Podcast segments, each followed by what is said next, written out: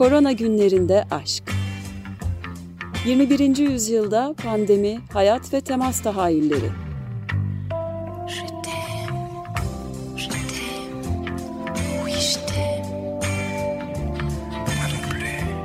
Hazırlayan ve sunanlar Ayşe Köse Badur ve Selim Badur.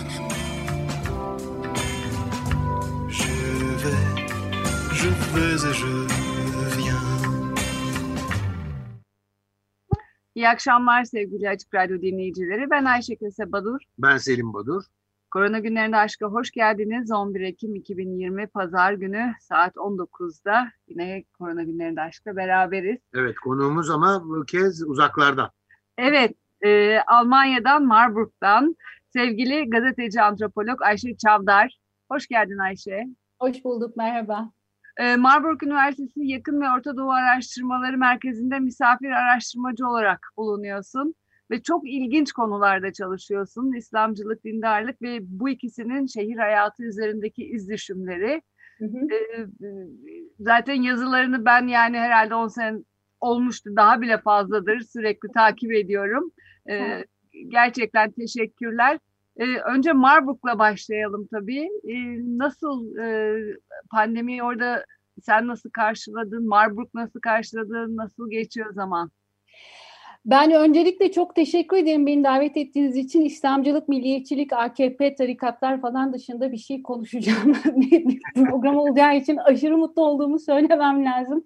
Çünkü tahmin ederseniz ki özellikle şu hallerde hele şu ara tekrar e, şeyle ilgili bir yazı yazmaya çalışıyorum. İslamcılığın e, işte edebiyatta e, nasıl şehri anlattı falan diye küçük bir yazı yazmaya çalışıyorum. Böyle okudukça sinirler tepeme çıkıyor çünkü şey vaziyeti hani ya yapmayın Allah aşkına e, vaziyetindeyim. Öyle bir haldeyken hani onun dışında bir şey konuşabiliyor olmak hakikaten beni kendime geçirdi.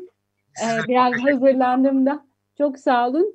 E, Ben aslında Marburg'da yakalandım. E, Sonra e, tam Leipzig'e bir e, görüşme için, bir toplantı için gitmek üzereydim. Dolayısıyla trende hani o ilk tedirginliği trende o yolu giderken yaşadım. Sonra e, oradan Berlin'e geçmiştim. Berlin'deyken böyle ilk a pandemi bu bi- bizde de falan e, paniğini Berlin'de yaşayıp sonra koşa koşa planlam, planladığımdan neredeyse bir 10 gün önce Marburg'a döndüm.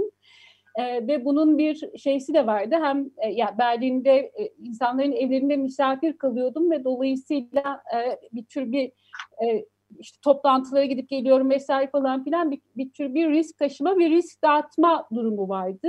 Marburg'a gelmemin sebebi tam da bugün anlatacağım şeylerdi. Orası küçük e, yani hem daha az zarar görür hem daha az zarar veririm e, vaziyetiydi. Çünkü daha pandeminin ne olduğunu e, yeni yeni öğrenmeye başlıyorduk.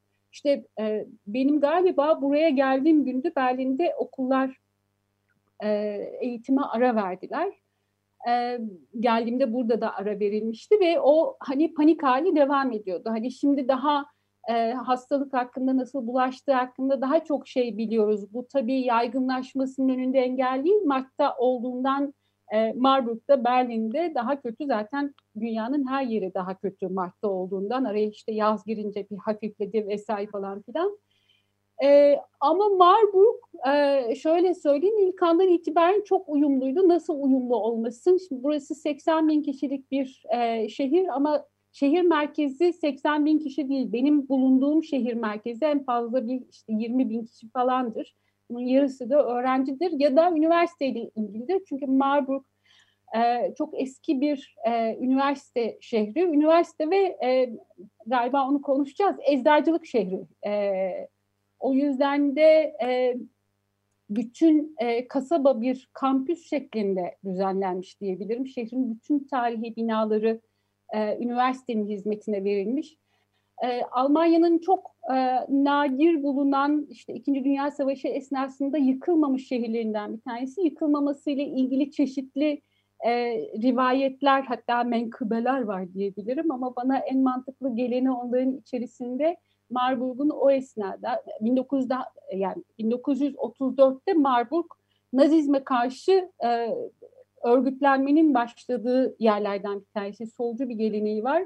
İkinci Dünya Savaşı boyunca hastane olarak hizmet etmiş ve tam işte bu civarın Hessen bölgesinin e, bombalandığı, yok edildiği e, esnada 20 bin e, hasta e, varmış burada. 20 bin çoğu yaralı asker olmak üzere bütün bölgeye hastane hizmeti veriyormuş ve onun gelen ya onun öncesi de var sonrasında da o gelenek devam etmiş.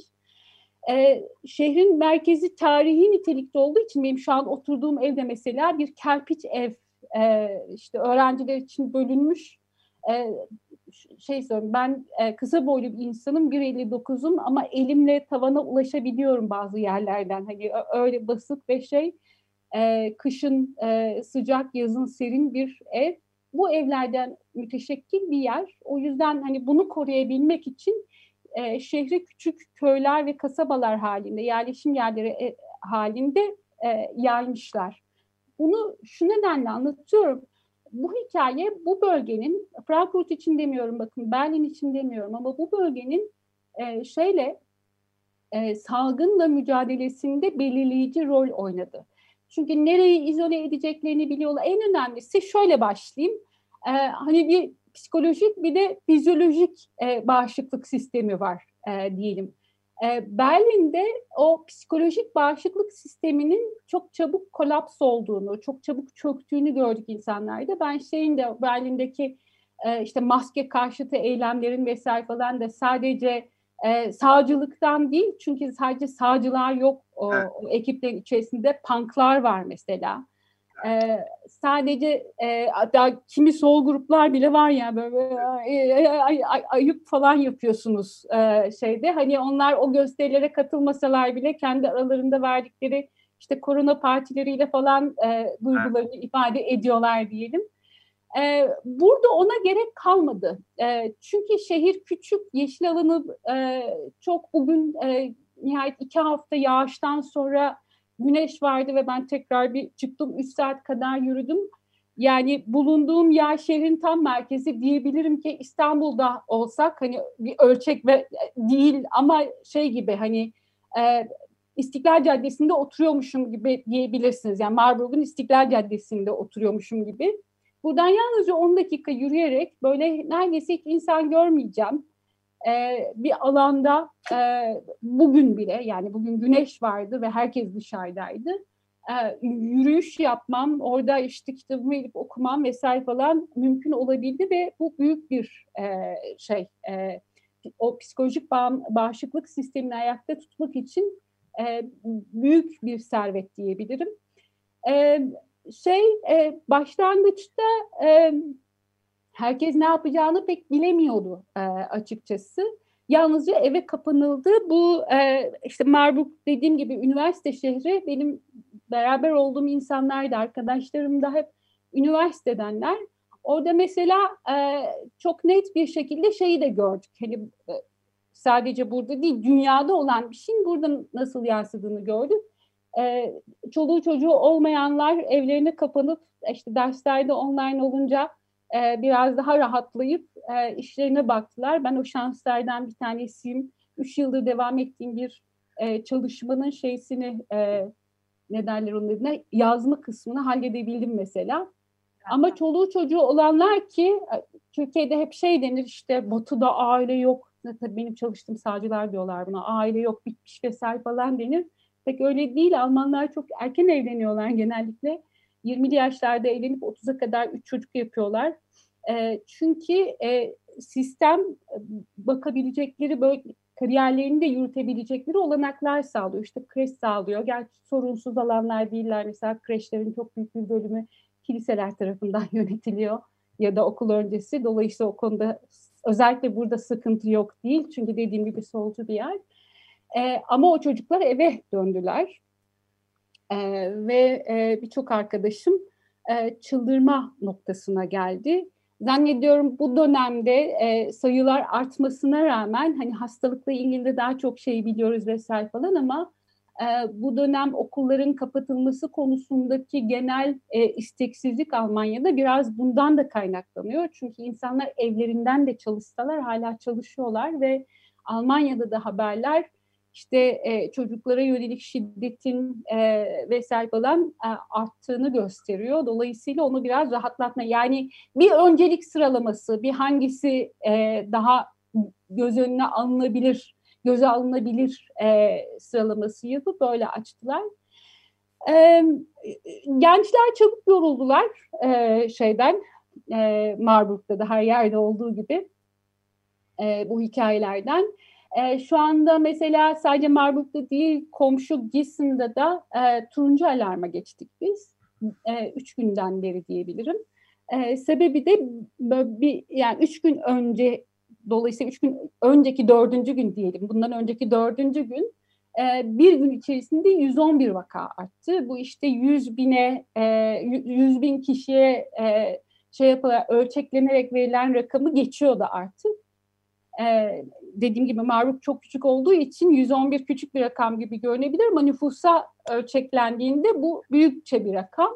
Dolayısıyla turuncu alarma geçtik. Bu ne demek oluyor? Ee, şey e, işte e, doğum günü partilerinin küçülmesi demek 25 kişiye kadar açık havada yapılması zorunlulukları demek. İşte evlere ya kimse bunları tabii kontrol edemez de işte evlere yatıya gitmenin ortadan kaldırılması demek. İşte ara verilmesi demek böyle şeylere vesaire falan filan. E, ve e, dolayısıyla hani hafif bir e, şey hikayesi, gerginlik ben hissediyorum evdeyken. Fakat sokağa çıktığımda Marburg'un bunu hissetmediğini görüyorum. E, sebebini de şöyle söyleyeyim e, ve biraz bırakayım siz sorun. E, burası e, yani e, küçük bir yer olduğu için panikleseniz de çok yapacağınız bir şey yok. Yani hani sokağa çıkmamak mesela çözüm getir ya yani bir şey yapmıyor. E, ve belediye çok iyi bilgilendiriyor insanları. E, çok da iyi bakıyor biraz belki onları da konuşuruz.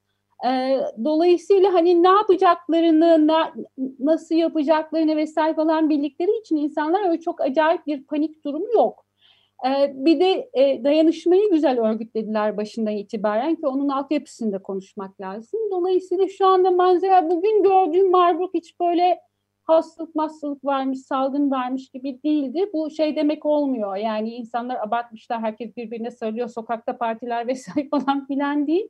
Ama işte yani gündelik hayat e, gidiyor e, bir şekilde. Bu e, 111'e ulaştığı yeni olgu sayısı dediniz.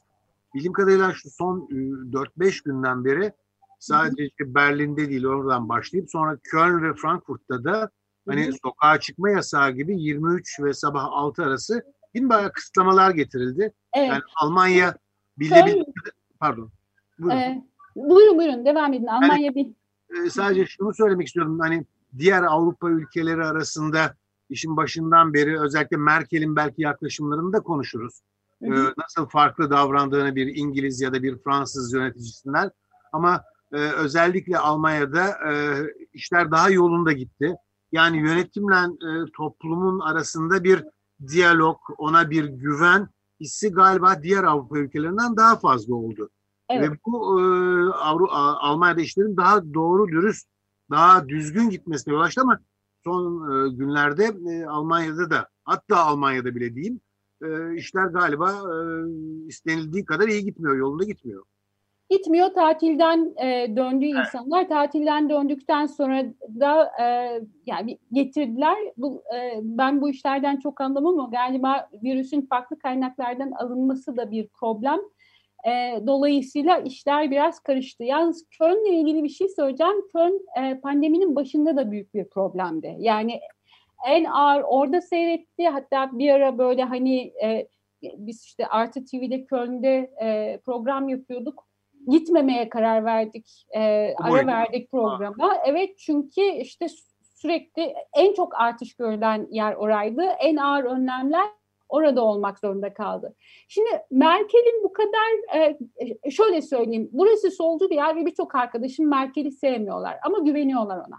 Bu çok önemli bir şey. Çok. Yani, Ayrı bir şey ama yani Merkel'i sevmiyorlar. Burası sosyal demokratların kalelerinden bir tanesi. Hatta böyle e, işte linkemiz falan da bizim e, güçlüdür şeyde e, Almanya'da. Linkemiz diyorum hani e, şeyden bir Marburg e, şeysi sakini olaraktan söylüyorum. Burada oy falan vermiyorum öyle bir durum yok. E, ama e, yani Merkel'i sevmeyen arkadaşlarım bile ki çoğu sevmiyor e, sol e, öğrenciler, akademikler vesaire falan gene de ona güveniyorlar çünkü rasyonel ve Evet. şeffaf. Bu çok önemli bir şey. Şimdi- Yani bize biz daha çok e, sevdiğimiz ama güvenmediğimiz politikacıları çok evet bizim öyle bir sorunumuz var. Şimdi e, bu sadece ama Merkel'le ilgili değil. Bu Alman idari sistemiyle ilgili de bir şey. Şöyle bir durum var. Mesela e, bugünlerde arttığını biliyorum ben şeyin. Ya- yazın hiç bakmıyordum e, şeye e, belediyenin sayfasına. Fakat bugünlerde arttığını biliyorum. Sabah kalkıyorum, e, rakamlara bakıyorum. Ee, ve e, sadece şeyi görmüyorum, kaç e, hasta var onu görmüyorum. Ee, o datanın analizini de görüyorum, yaş gruplarını da görüyorum. Şimdi bunları bilmek benim ne işime yarıyor? Aslında hiçbir işime yaramıyor. Yani ben gene aynı şeyleri yapacağım. İşte bir yere girerken şey yapacağım, maskemi takacağım. Ee, ya da e, işte e, kapalı alanlara çok girmemeye çalışacağım vesaire falan. Ee, yani Mart'tan beri kapalı bir yerde e, kendi evim ve e, ofisim dışında bulunmadım. Ama bilmek içimi rahatlatıyor. tabii tabii. Yani hiçbir işime yaramayan bilgi gerçekten. Yani hangi yaş grubunda kaç kişi var, kaç kişi ölmüş, hangi hastanede kaç kişi var vesaire falan bunları bilmenin benim gündelik hayatımla hiçbir ilgisi yok. Ama bilmek içimi rahatlatıyor. Yani hani şu an mesela Mart'ta olduğundan daha kötü Mart'ı söylüyorum çünkü Mart bitti. Mart'tan sonra şey e, düştü Marburg'da. Yani bi- biz hiçbir zaman böyle e, şey yüzlerce kişiyi şeyde görmedik, hastanede görmedik. Burada iyi de bir hastane altyapısı var dediğim gibi hani geleneğinde olduğu için bölgenin çünkü burası eczacılığın ve tıbbın e, şeylerinden e, ne diyeyim e, yaylalarından bir tanesi biraz yüksekçe bir yer olduğu için yayla diyeceğim şimdi çok eskiden beri ki şimdi bu geleneğin nasıl sürdüğünü de göreceğiz belki birazdan. Dediğim gibi bilmek içimi rahatlatıyor. Bir de Merkel azarlamıyor falan ama bir öğretmen havası var. Yani çocuğum şunu yaparsanız şu olur diyor. Şimdi bu bir idari ilke olarak var. Belediyenin sayfasında ben yalnızca istatistikleri okumuyorum. Verili durumu okuyorum ve ihtimal dahilinde olan durumları da okuyorum. Diyor ki mesela bana şimdi ben yani senin baş- başına polis molis dikmeyeceğim. Öyle bir şey olmayacak. Kimse sana ceza falan da kesmeyecek. Şey için değil bu. Karantina değil. Yani hastalanmamış insanların hastalanmaması için. Bak şimdi şu aşamayı geçtik. Bunları neden geçtiğimizi de söyleyeceğim birazdan. Bu aşamayı geçtik. Şu aşamayı da geçersek işte ne bileyim ben bir gün içerisinde 150 kişi hastalanırsa alınacak önlemler. Şimdi sen bu önlemlerin alınmasını istiyor musun, istemiyor musun? Eğer alınması bu bu kadar zorlanmak istemiyorsan şu daha az zor olan önlemlere uy. Şimdi bu bir idari mantık. İdarenin benimle konuşma mantığı. Bunu da hiç öyle saygısızca maygısızca falan söylemiyor. Yani diyor ki bak arkadaşım ya gel senle bunun pazarlığını yapın. Bir tür müzakere ediyor yurttaşıyla verili durumu. Ben gel senle bir müzakere yapalım. Şimdi yani e, şu ana kadar e, şu önlemleri almamıza rağmen bu hale geldik. Çünkü şunlar oldu şimdi. Çünkü şunlar olduğunun da sebebini söyleyeyim. Hem Gissen'da hem Marburg'da iki tane şey olmuş. e, doğum günü partisi olmuş. İkisi de iki ayrı restoranda. Birbirlerinden alakasız. E, şey de değil, Marburg'dakinde mesela e, işte maskeye vesaire falan dikkat edilmiş bir noktaya kadar. Çünkü hastalarla söyleşiler yayınlanıyor. Hastalanmış o hikayeden çıkmış hastalarla söyleşiler yayınlanıyor gazetede.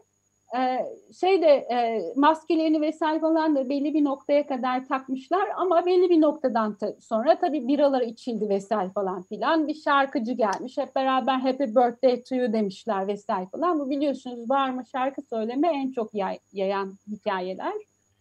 E, dolayısıyla oralardan şey yapmış. Bunu gazetede okuyabiliyorsunuz. Yani gazete size sadece şey vermiyor. E, Gissen'daki hikayede restoran kendi ismini vermek istememiş mesela.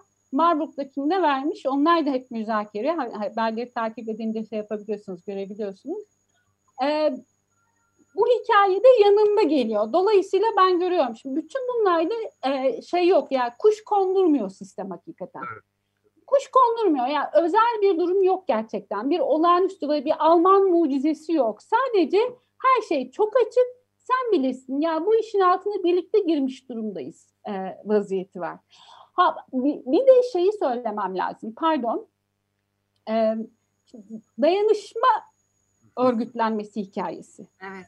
Ee, şimdi iki çeşit dayanışmadan bahsetmek lazım. Bir tanesi yerel idare Şimdi bu eyalet sisteminin de ne işe yaradığını görüyoruz ki Marburg gibi kasabalar eyaletin içinde de görece bağımsızlar. Çünkü laf aramızda zengin.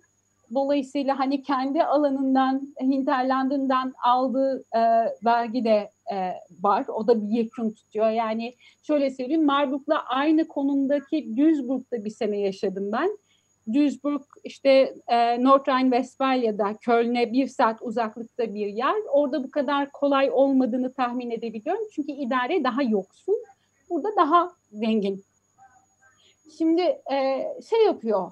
E, küçük rüşvetler de verebiliyor yurttaşına. Yani küçük insentifler veriyor diyelim. Hani promosyonlar yapabiliyor. Hani önlemleri şey yapmak bağında. E, atıyorum işte e, bankalarla arasına giriyor, borçlarını erteliyor. Zaten o en başta Almanya'nın merkezi olarak verdiği hani şey hikayesi, e, kapalı tutarsan eğer e, zararını ben evet. kompanse edeceğim hikayesi var. Ona ek olandan bahsediyorum. İşte ne bileyim ben buranın e, Kassel Marburg Ticaret Odası teker teker e, söyleşiler yaparak şeylerle e, buradaki işletmecilerle söyleşiler yaparak ihtiyaçlarını belirleyip ona göre kendisi de bir paket hazırladı mesela. Yani öyle her şeyi devletten bekleyen bir şeyden de bahsetmiyoruz. Yani sadece burada şunun altını çizmek istiyorum da o yüzden söylüyorum bunu. Yani e, sanki Almanya çok zengin bir ülke ve her şeyi devlet verdi gibi e, algılanıyor Türkiye'den bakıldığında. E, peki yani o da var e, devlet birçok şey verdi ama benim asıl gözlerimi yaşartan şey Almanya örgütlü bir toplum ve örgütlü olması dolayısıyla ki yani örgütlü mesela sendikalar falan bayağı geriledikleri, bürokratikleştikleri için geriledikleri için bayağı sorun var. O yani elde var bir. Buna rağmen yani o rüya gibi bir 30 yıl denir ya şeyden sonraki 2. Dünya Savaşı'ndan sonraki rüya gibi 30 yıl refah devleti kendini oluşturuyor böyle hani şey bir şekilde hırslı ve idealist bir şekilde. O dönem çoktan bitmiş vaziyette burada çok belli. Ama onun kalıntısı bile bu kadar uzak bir zamanda kalıntısı bile e, bayağı göz doldurabiliyor ve iş görüyor. Bu işte ticaret ve sanayi odası dediğim şey bizdeki TÜSİAD'a hiç benzemiyor bizdeki ticaret odaları gibi e, top gibi mesela işte e, pandemide Erdoğan'la karşılıklı oturup hatırlıyorsunuz Rıfat Hisarcıklıoğlu. Bak baktım işte yüzün gülüyor falan yapmıştı Erdoğan Hisarcıklıoğlu'na. Öyle bir şey yapmıyor. Arıyor ve yani kendi dayanışmasını örgütlüyor. Çünkü o zaten var orada. Niye? Çünkü çok aynı zamanda entegre e, bir şeyden de bahsediyoruz. Yani insanlar birbirlerine ya da işletmeler, kurumlar birbirlerine yalnızca devlet kurumları aracılığıyla bağlanıyor değiller. Birbirleriyle bağlanabilecekleri başka mekanizmalar da var ve bunlar tamamlayıcı olabiliyor. O yüzden ben sadece Alman devleti o kadar güçlü ve işte vatandaşlarına o kadar cömert ki vaziyeti ayrı bizimkiyle karşılaştırıldığı zaman tabii ki bu önemli. Ama aynı zamanda örgütlü bir toplum ve örgütlü bir toplum olduğu için de şey. Şimdi bu e, yani devletin örgütlediğini saymıyorum çünkü onu herkes sayıyor. Ben biraz farklı bir şey saymak istiyorum. Bu söylediğim işte sendikanın, ticaret odasının vesaire falan. Bir de e, kooperatif örgütlemeleri var. Daha tabana doğru geliyorum şimdi tepeden. E, gene solcu e, bir geçmişi olduğu için Marburg bir hayli kooperatif var. E, bu arada burası hani e, eczat sanayi, ilaç sanayinde önemli bir merkez. Fakat aynı yani burada kurulmuş olmasının sebebi ta 17. yüzyıldan itibaren 16 17. yüzyıldan itibaren buranın ecza e, deposu olmasının sebebi tabii ki şeyse hani tarımın burada çok gelişkin olması ve bitki çeşitliliği vesaire falan bir nehir yatağından bahsediyor. Lan var burada işte Frankfurt'ta başka bir nehir var vesaire falan. Dolayısıyla hani aynı zamanda iyi e, tarım yapılan da bir yer. Onlar da örgütlüler. Yani onlar da örgütlü oldukları için ben pazardan alışveriş yapmayı çok seviyorum. Onları kooperatifin pazarı, e, iki tane pazarı var. E, şimdi kooperatifin pazarı diyorum bakın. Tabii. Çok önemli. Kooperatifin pazarı var. Kooperatifin pazar dışında da ay, e, bu arada çok ucuz değil. Marketten alırsan daha ucuz ama e, o şeyi ambiyansı istiyorsun bir şekilde. Yani hani e, çok ağır pahalı değil. Mesela biyomarketten aldığından daha ucuz ama süpermarketten aldığından işte bir 50 sent daha fazla e, diyelim ki. Fakat o ambiyansı ne bileyim ben orada benim bir tane şeyim var. e, ablam var. O ablanın bana Almanca öğretme çabasını falan çok seviyorum. O yüzden gidiyorum oraya. Kooperatifin pazarı var ve bu pazar belediye tarafından da destekleniyor, halk tarafından da destekleniyor. Çünkü Marburg'un gıda bağımsızlığının ben böyle söylendiğini duydum bir toplantıda. Marburg'un gıda bağımsızlığının garantörü. Bakın bu kadar bolluk ülkesinde küçük bir şehir, 80 bin kişilik bu şehir, büyük bir şehir değil. 80 bin kişilik şehrin kendi gıda bağımsızlığından bahsettiğini duyuyoruz. Bana bu Çok işte çok. o hani salgın karşısındaki bağışıklık diyoruz ya psikolojik bağımsızlık şeyden bağışıklıktan bahsettik, bir fizyolojik ba- bağışıklıktan bahsettik. Bu da bence toplumsal bağışıklık. Tabii. Çok önemli. Ee, yani şehrin kendi bağışıklık sistemi var. Sadece şey yok e, kooperatifin. Başka bir kooperatiften daha bahsedeceğim. Önce gıda kooperatifini bitireyim. Ee, şeyler var. Zincir biyo e, biyocular var. Ama onun dışında zincir olmayan butik buralı çiftçilerin kendi ürettiklerini yalnızca mevsiminde sattıkları küçük dükkanlar da var. Mesela süpermarketlerden ise insanların buralara yöneldiklerini, özellikle yaşların buralara yöneldiklerini fark ettim e, şey esnasında, bu e, hikaye esnasında, salgın esnasında. Çünkü süpermarketlerden korkuyorlar. Tabii. Tabii.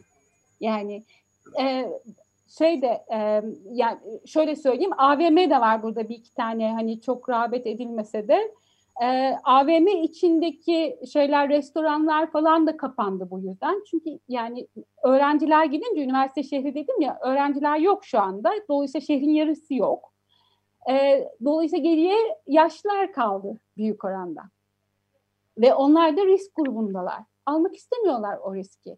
O pasaj içlerindeki dükkanlar kapandı. Yani Marbuk da çok ciddi zarar gördü. O pasaj içlerindeki dükkanlar kapandı vesaire falan.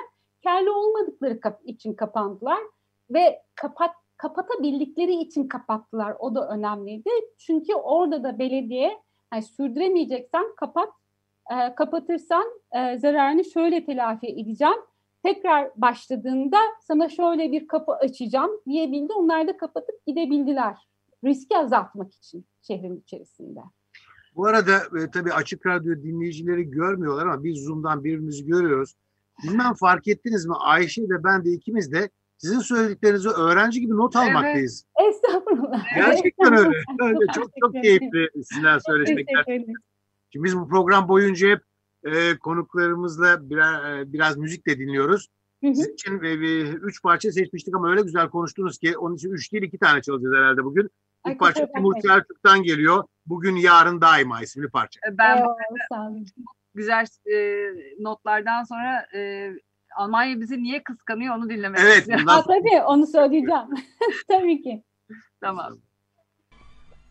Eski 94.9, yeni 95 FM'de Açık Radyo'dayız. Korona günlerinde aşk ve e, bugünkü konuğumuz Sayın Arşi Çavdar ve çok keyifli bir söyleşiyle Almanya'da olup bitenleri oldukça ayrıntılı ve çok e, doğru bir ağızdan öğrenmekteyiz. E, sürdürüyoruz Ayşe e, Çavdar'ı dinlemeyi. Evet, kooperatiflerden konuşuyorduk ve toplumsal bağışıklıktan bahsettin. Evet. Oradan devam edebiliriz. Ee, ya iki dayanışma formundan daha bahsedeceğim. Bir tanesi yine kooperatif formunda ve bunun e, aslında şeyle alakası yok. E, doğrudan doğruya salgınla alakası yok ama zaten hani burada söylemek istediklerimin şeysi de e, ana fikri de ay salgına ne güzel tepki verdiler değil. Salgına nasıl hazırdılar? Evet. Yani şeyin e, hastane sisteminin dışında, sağlık sisteminin dışındaki ben o, o tarafına işin hikayenin açıkçası hiç bakmadım. Hiç de ilgimi çekmiyor. Çünkü o, o, o kısmını Türkiye'de imişim gibi panikle yaşıyorum. Çünkü sevdiğim herkes orada ve e, ürkütücü bir şey. E, özellikle İstanbul'u düşündüğüm zaman, e, Marburg'dan İstanbul'u düşündüğüm zaman kendimi hem suçlu hem korku içinde hissediyorum doğrusunu söylemek gerekirse. Bir başka kooperatif adı da Praxis. Ben çok seviyorum. Yani siz görüyorsunuz, seyircilerimiz görmüyor. Şu evde gördüğünüz her şey oradan ama her şey. Yani şu masa, arkadaki ufak konsol vesaire falan hepsi oradan. E, çünkü fikri duyduğum anda e, daha evvel Marburg'a e, bu e, burs için gelmeden evvel 2014'te geldiğimde duymuştum ve hastası olmuştum. Engelliler ve işsizler kooperatifi bir bakıma. E, bu e, bir, bir şey gibi hani tabii ki e, devlet desteği falan da alıyorlar ama bütün Marburg bu kooperatife çalışıyor diyebiliriz. Yani hani e, çünkü ben mesela bu evi boşaltırken bunları oradan aldım ya ben yapacağım tabii öyle herkes böyle yapmıyordur. Bunları oradan aldım ve hakikaten benim bütçeme de uygundu ve hani şeydi. E, bir, bir de böyle enteresan bir durum yani Ikea ya da Bauhaus falan gibi değil yani e, güzel bir hangar orası çok güzel bir hangar böyle Almanya tarihi e, ayrıca Marburg'un tarihini de görebileceğiniz bir e, yer eşyaları topluyorlar giysi, mutfak eşyası, ev eşyası aklınıza gelebilecek her şeyi topluyorlar ve o işsizler ve engelliler, ustabaşları falan da var. Orada birlikte elektronik de dahil bunlar. Şimdi bilgisayarı da kattılar işin içerisine. Ee, orada engelliler ve işsizler ustabaşlarının e, eşliğinde e, tamir ediyorlar bunu. Yeniden kullanılabilir hale getiriyorlar. E, ve e, gayet uygun fiyatlara satıyorlar. E, buna tabii ki dediğim gibi hem Sanayi ve Ticaret Odası'nın hem belediyenin desteği var. Zaman zaman başka AB projelerinden falan da destek alıyorlar ama destek alınmayacak gibi bir şey değil. Çünkü hakikaten bir hani kendine yeterlik projesi hem mesleki eğitim veriyor hem engellilerle engelli olmayanları bir arada çalıştırıyor. E, bir tür koherans sağlıyor. Hem e, şey var hani giysi de topluyor mesela. O giysileri ücretsiz olarak da e, veriyor ihtiyaç sahiplerine. Mültecilere destek oldular buradan hareketle vesaire falan filan. Mülteci çok az Marburg'un. Marburg'un merkezinde mülteci ve göçmen çok az. Söylediğim şeyden dolayı e, tarihim e, bir yer oluşundan dolayı burada evler ya benimki gibi böyle küçük da şey basık tavanlı vesaire falan ya da büyük ve çok pahalılar. Dolayısıyla e, göçmenler ve şeyler için çok e, affordable bir yer, yaşanabilir ya da affordable e, bir yer değil ama e, onlarla bağlantısız değil. İşte yan tarafta işte Allendorf diye bir yer var. Orası biraz zor bir yer açıkçası. Ama işte orayla da Praxis bağlantılı ya da işte Allendorf'taki pek çok insan Marburg'a yatırım yapmış vaziyette. İşte restoranların tamamı neredeyse Türkler tarafından işletiliyor mesela falan gibi. E, bu bana çok önemli geliyor çünkü bu işsizli, işsizler ve engeller kooperatifi bir şey daha eklemem lazım. Marburg'da bir de e, Avrupa'nın en büyük görme, görme özürler için Avrupa'nın en büyük ikinci üniversitesi var. Ve onlar buradalar. Bakın diğer öğrenciler burada değiller ama onlar buradalar. Dolayısıyla onlarla da iletişim halinde bu tür kooperatifler vesaire falan aracılığıyla burs veriyor, komünite oluşturuyor e, falan. Şimdi bir sürü insan işsiz kaldığında tamam işsizlik maaşı alacaklar falan ama işsiz kalmak sadece işsizlik maaşı ile ilgili bir durum değil.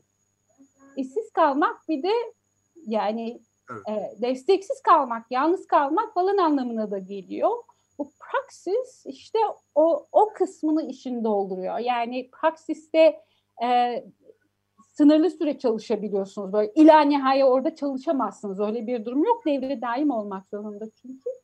Ama e, şey olabiliyor. E, gidip bir işin ucundan tutabileceğinizi biliyorsunuz. Öyle bir durumdayken e, ücretinizin küçük bir kısmını praksis veriyor. Büyüyecek bir kısmını gene şey veriyor. Hani işsizlik e, sigortası. sigortası veriyor ama en azından şey değilsiniz yani en büyük e, korkusu Almanya'da işsiz kalanların işte o e, iş bulma merkezine gideceğim ve bana Allah bilir ne söyleyecekler, ne yapmamı isteyecekler benden hikayesi. Burada öyle bir sorun yok. Çünkü ben Praxis'e gideceğim 3 ay falan diye biliyorsunuz şimdi. Yani dışlanmamış, Evet. hisse, Evet. dışlanmış hissetmiyorlar. Ve zorlanmamış. Zorlanmamış. Çünkü Önemli. Praxis yalnızca bir e, iş e, hikayesi değil. Aynı zamanda bir komünite hikayesi.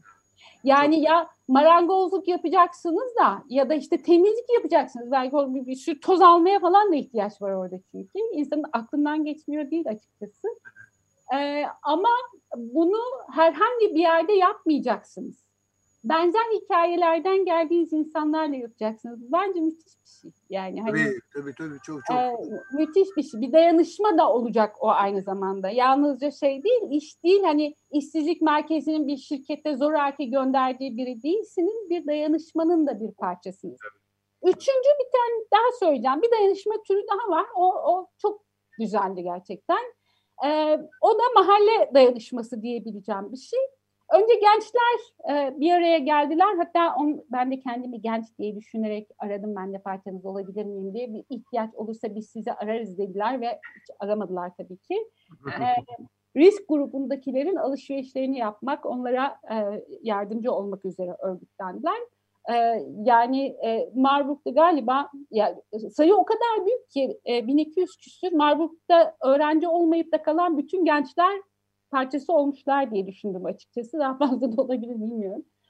İkincisi de e, baktılar sağlık yani okullar kapandı, kreşler kapandı ve e, sağlık e, elemanları, sağlık emekçileri e, overtime çalışmaya başladılar. O zaman da onların etraflarındaki insanlar örgütlendiler. E, Bunların arasında üniversite hocaları da vardı mesela. Onların çocuklarına bakmak ve onların e, kendileri overtime çalıştıkları için göremedikleri işlerini görmek için. E, hatta muhasebeciler falan bile uğraştılar. E, şey işte e, vergilerini bilmem ne yapmak vesaire falan filan için öyle küçük küçük hikayeler de duydum. Gönüllü muhasebeci doktor doktorun vergi bordrosunu doldurmak üzere falan gibi. E, dolayısıyla şey e, ya bu küçük hikayeler yan yana geldiğinde Berlin'deki gibi öfkeli bir şeyin neden olmadığını e, görmek mümkün ve benim buradan e, aldığım ders şehirleri büyütmek değil küçült, küçültmek önemli. gerektiği. E, yani e, ben tezimi biliyorsunuz Başakşehir'le ilgili yapmıştım. Şimdi Başakşehir'de küçük bir alana, görece küçük bir alana yayılmış. Çünkü dikey mimari işte yüksek gökdelenler e, oturduğunuz bir blokta mesela işte 70 aile falan oturuyor. Hep beraber 2500 kişi oturuyor. Bir sitenin içerisinde yeşil alanı varmış gibi görünüyor orada. Görece gece kondudan daha çok görünüyor çünkü. Ama 2500 aile 4 ile çarparsanız 10 bin kişi için yetecek alanlar değiller o alanlar. E, dolayısıyla e, ben bunları düşündüğümde, hani İstanbul'u düşündüğümde bütün bunları gördükten sonra dehşet içerisinde e, kalıyorum açıkçası e, söylemek gerekirse. Ya da ne bileyim ben işte 10 dakika uzaklıkta böyle bir e, doğa parçası bulabiliyorum. En azından yalnız kalabileceğim bir yer. E, hani doğa hani çevrene diye e, polemik yapabiliriz gerekirse ama bence gerek yok. Yani nefes alıp kendi başıma kalabileceğim bir yer. İstanbul'da, A- e, Almanya'da bir yer bulabilmek için gitmek zorundasınız. Yani ara- arabanız olmak zorunda ve oraya gitmek zorundasınız. Ya da e, public transportation yani e, toplu taşıma kullanmak zorundasınız öyle bir şey için ki o bir risk yani hani şey değil. En büyük. Almanya'da ne olup ne bitiyor diye sormanın hiç yeri değil şu anda. O kadar güzel anlattınız ki. Yani şehir ve sonunda da e, bütün bunları hani şehirlerin küçülmesinin önemine vurgu yaparak çok haklısınız. E, ama ne yazık ki e, vakit süratle ilerliyor. Ben biraz sizden şu e, kentin eczacılık e, kısmına biraz değinip hani e, sağlık konusunda neler yapılıyor orada? Çünkü oraya ait ilginç bir bilgi vereceksiniz aşıyla ilgili galiba. Evet, e, çünkü aşı burada üretilecek. Şu anda e, e, üçüncü faza geçmiş aşı var. E, Pfizer'ın da desteklediği BioNTech diye BioNTech, bir evet. firma bu.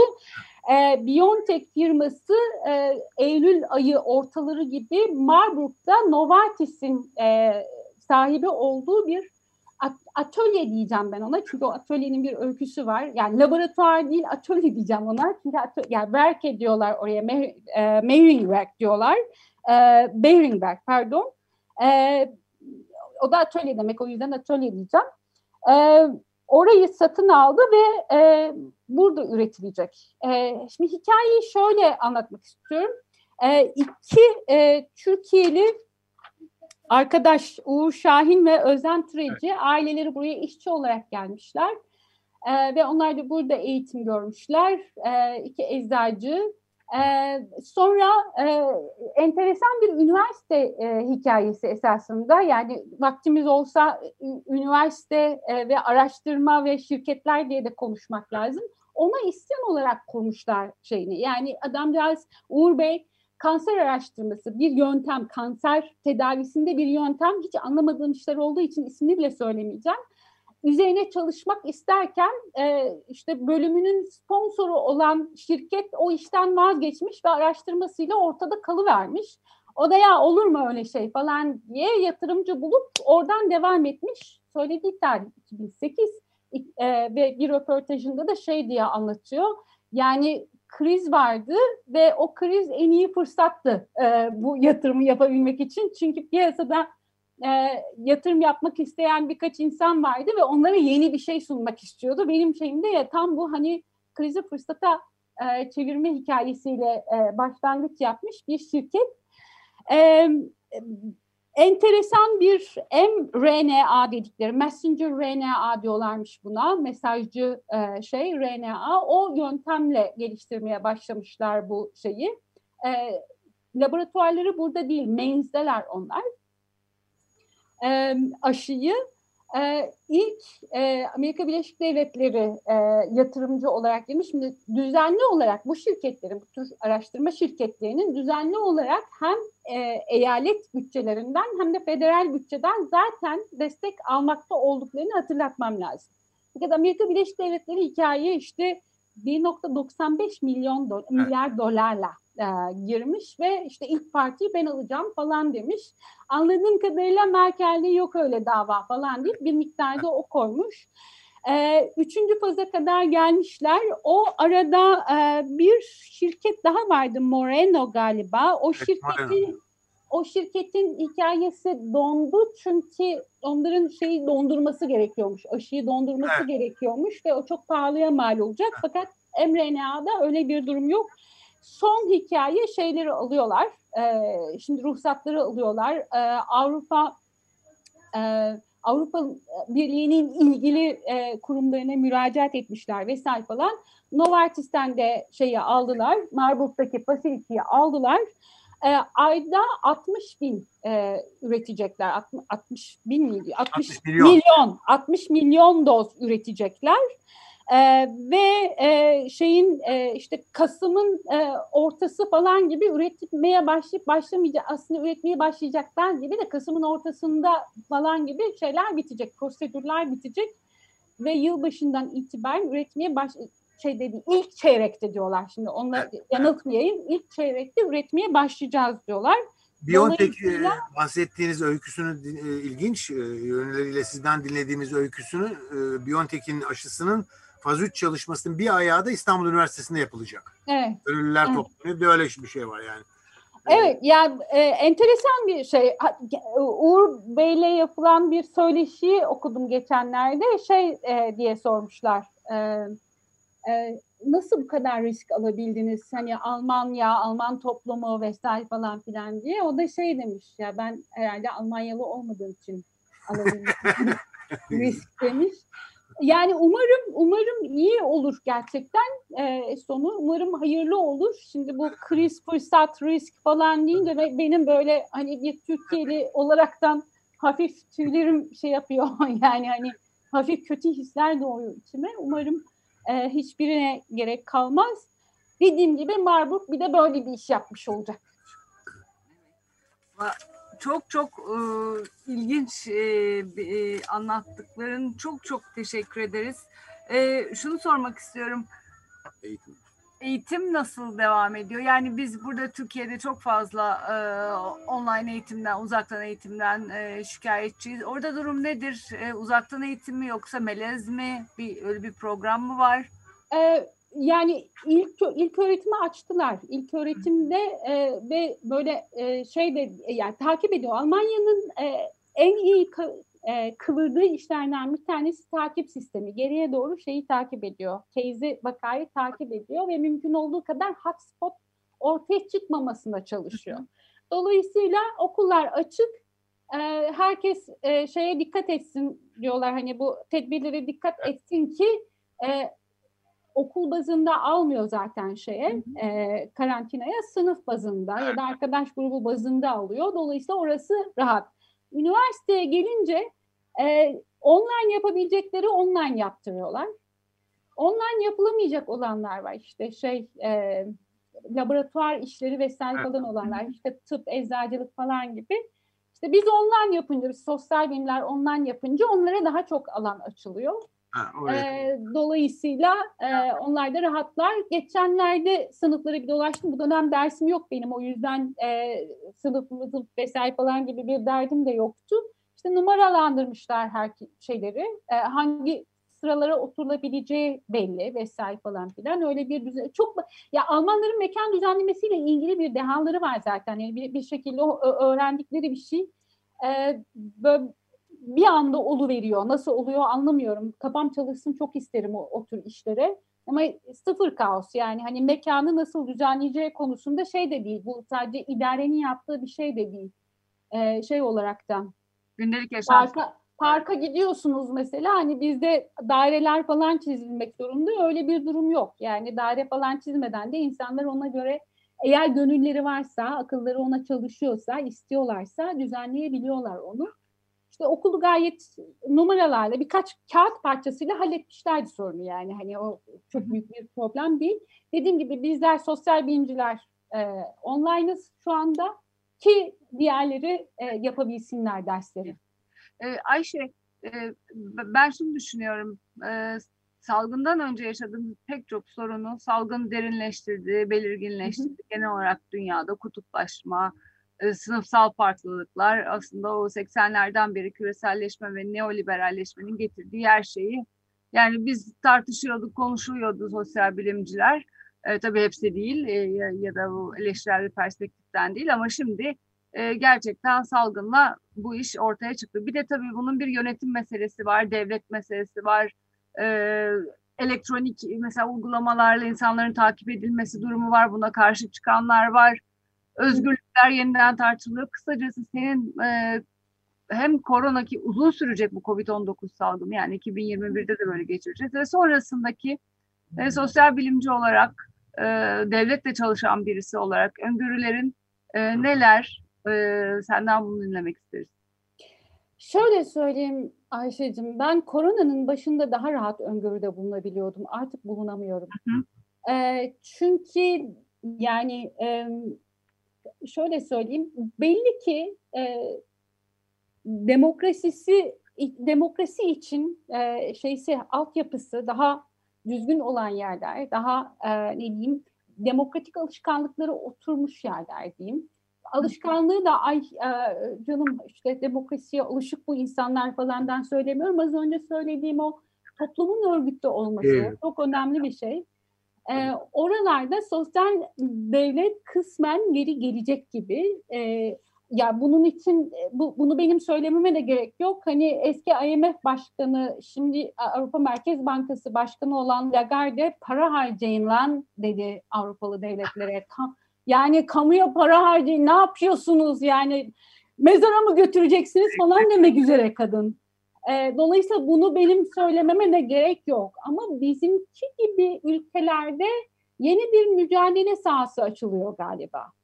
E, ben burada hemen e, her zamanki gibi muhalefete birazcık e, şey yapmak istiyorum, e, laf etmek istiyorum. Çünkü AKP'yi eleştirmenin çok manası kaldığını zannetmiyorum. Hiç de önemli değil. Fakat muhalefet halka bu anlamda ne talep edebileceği ve ne hayali kurabileceği konusunda hiçbir şey söylemiyor. Ve halk hayal etmekten korkuyor çünkü orada AKP gibi bir şey var. hayal etmekten ve talep etmekten korkuyor. O yüzden biz e, Megaskop'taki program ortam e, Aysu'da Kölemen'le beraber iki hafta önce şeyi başlatmaya e, başladık artık. Yani hani neden anketlerden çıkmalıyız, neden halka e, sormamalıyız her şeyi. Bazı şeyleri de biz onlara hayal etmeyi göstermeliyiz falan diye nelerin hayal edilebileceğini göstermeliyiz, anlatmalıyız. Hem biz tırnak içinde okumuşlar vesaire falan ama asıl önemlisi siyasi partiler. Türkiye'nin, Türkiye ile ilgili konuşacağım şimdi. Türkiye'nin bir e, hayal etme problemi var. Şimdi bunu böyle söylerken de nasıl bir dayak yiyeceğimi tahmin edebiliyorum. Oradan konuşmak öyle kolay vesaire falan hiç değil. Çünkü her bir lafımı bu lafı yiyeceğimi, bu dayağı yiyeceğimi bilerek e, söylüyorum ama gene de en çok da bu laf böyle söylendiği için bizim hayal kurmaya ihtiyacımız var. Yani siyasi tahayyül geliştirmeye ihtiyacımız var. E, talep üretmeye, talep e, formüle etmeye ihtiyacımız var. Hala bugün e, söyleyeceğim Ali Babacan Bitlis'te konuşma yapıyor. Bir yandan medreselere eyvallah diyor. Yani oradaki Nakşibendi medreselere aynı güzel bunlar işte ilim, kültür geleneğimiz vesaire falan diyor. Öbür taraftan Bitlis'te kız çocukları eğitim göremiyorlar falan diyor. Şimdi bu ikisi bu çelişkili bir şey. Çünkü o medreseler o kız çocukları eğitim alamasınlar diye çok ciddi uğraşıyorlar. Fakat Ali Babacan bunu niye böyle söylüyor? Çünkü e, Bitlis'e bakıyor, Bitlis ne duymak ister diye düşünüyor ve Bitlis'e duymak istediğini söylüyor. Oysa halkın yeni bir şey duymaya, kendisi hakkında da yeni bir şey duymaya, ayrıca geleceğe dair şimdiye kadar olduklarından başka bir şey isteyebileceğini bilmeye ihtiyacı var. Şimdi bizim bence sorunumuz orada başlıyor. Yani ne, neyi öngörüyorum sosyal bilimci olarak? Bu hayal kurma kısırlığının, bu hayal kurmaktan korkma halinin bizi o çok korktuğumuz despotizme sürükleyeceğini görüyorum eğer önlem almazsak. Bunun önlemi de ay şimdi iktidarı çok kızdırmayalım, yerli milli olmayan görüntüler vermeyelim hikayesi değil. Irrelevant. Bununla alakası yok konunun. Ee, bizim hazır bu pandemiyi, e, bu salgını böyle yaşıyorken, yani şeyi gördük işte, e, mesela e, İstanbul Büyükşehir Belediyesi'nin örgütlendiği o fatura kampanyası çok önemliydi. Çünkü insanlar kimin faturasını ödediklerini Tabii, bilmeden tabii, ödediler. Bu demek oluyor ki partizanlık o noktada işe yaramıyor işte. Yani bundan daha kıymetli bir şey göremiyorum. Bu Çok- çok, kıymetli bir şey. Bunun üzerine gittirken e, ya şimdi kayyuma da ses mi çıkar mı? Evet. E, bu ne diyor tezkereye de hayır demeyelim şimdi korkutmayalım. Bu, bu plan takıldığı bir yer burası. Yani bu plan takıldığı bir yerden çıkmak lazım. Mesela yeni bir anayasa konuşmak lazım. Sa- hatta salgın e, şeysini alarak, salgın verisini önümüze koyup, öğrendiklerimizi, deneyimimizi önümüze koyup ha deyip devam etmek lazım. Salgın ne kadar sürer önemli değil ama bundan sonra yenileri olacağı çok belli. Tabii. Çok belli.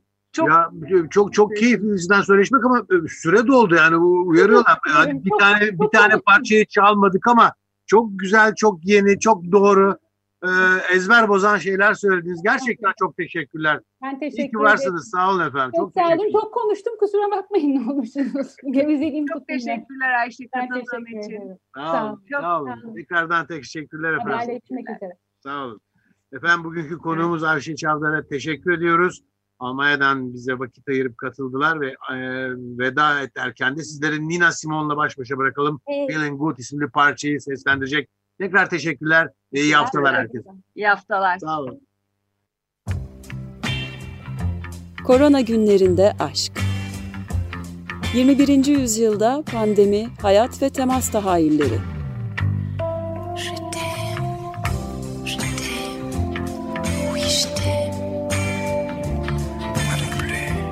Hazırlayan ve sunanlar Ayşe Köse Badur ve Selim Badur. Je vais, je vais.